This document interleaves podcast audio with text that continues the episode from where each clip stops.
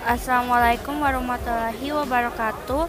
Shalom, Om Swastiastu, Namo Buddhaya. Perkenalkan nama saya Alisa dengan NIM 205180251 dan hari ini saya akan menjelaskan tentang penolakan pembangunan pura di Bekasi dan bagaimana pro dan kontranya untuk tugas hukum tata negara dengan Pak Refli.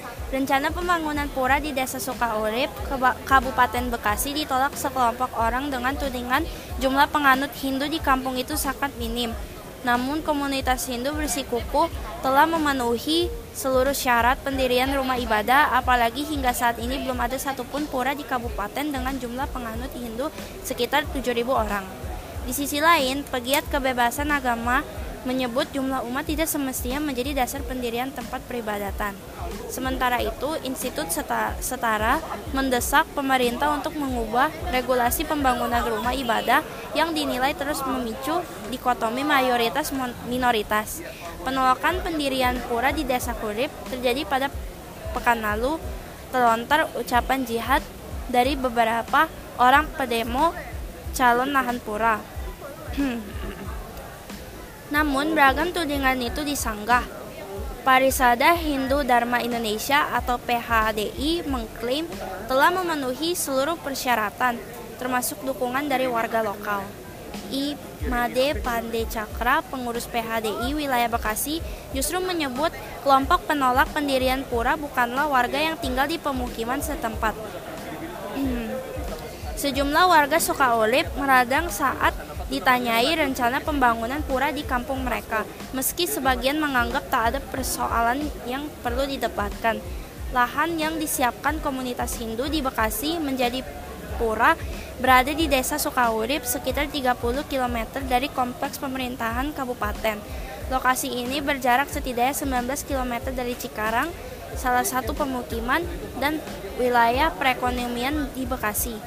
Lahan itu kata Pak Decan Cakra dihibahkan tokoh Hindu setempat yang telah wafat, anak agung Oka Darmawan.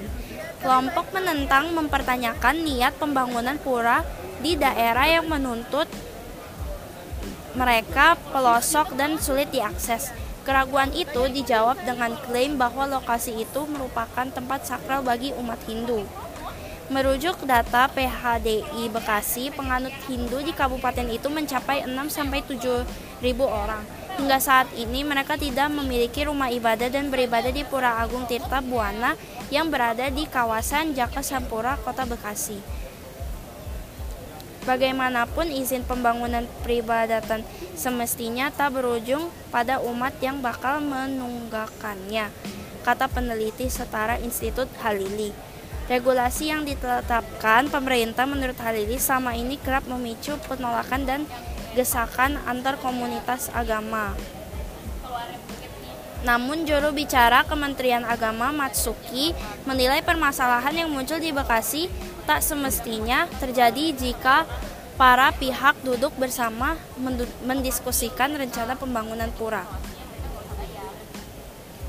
Matsuki Ki berkata, pemerintah tak pernah mempersulit pendirian peribadatan karena kata dia, pemerintah daerah justru didorong memfasilitasi umat yang urung memiliki tempat persembahyangannya. Sekian dari penjelasan yang saya telah jelaskan. Terima kasih.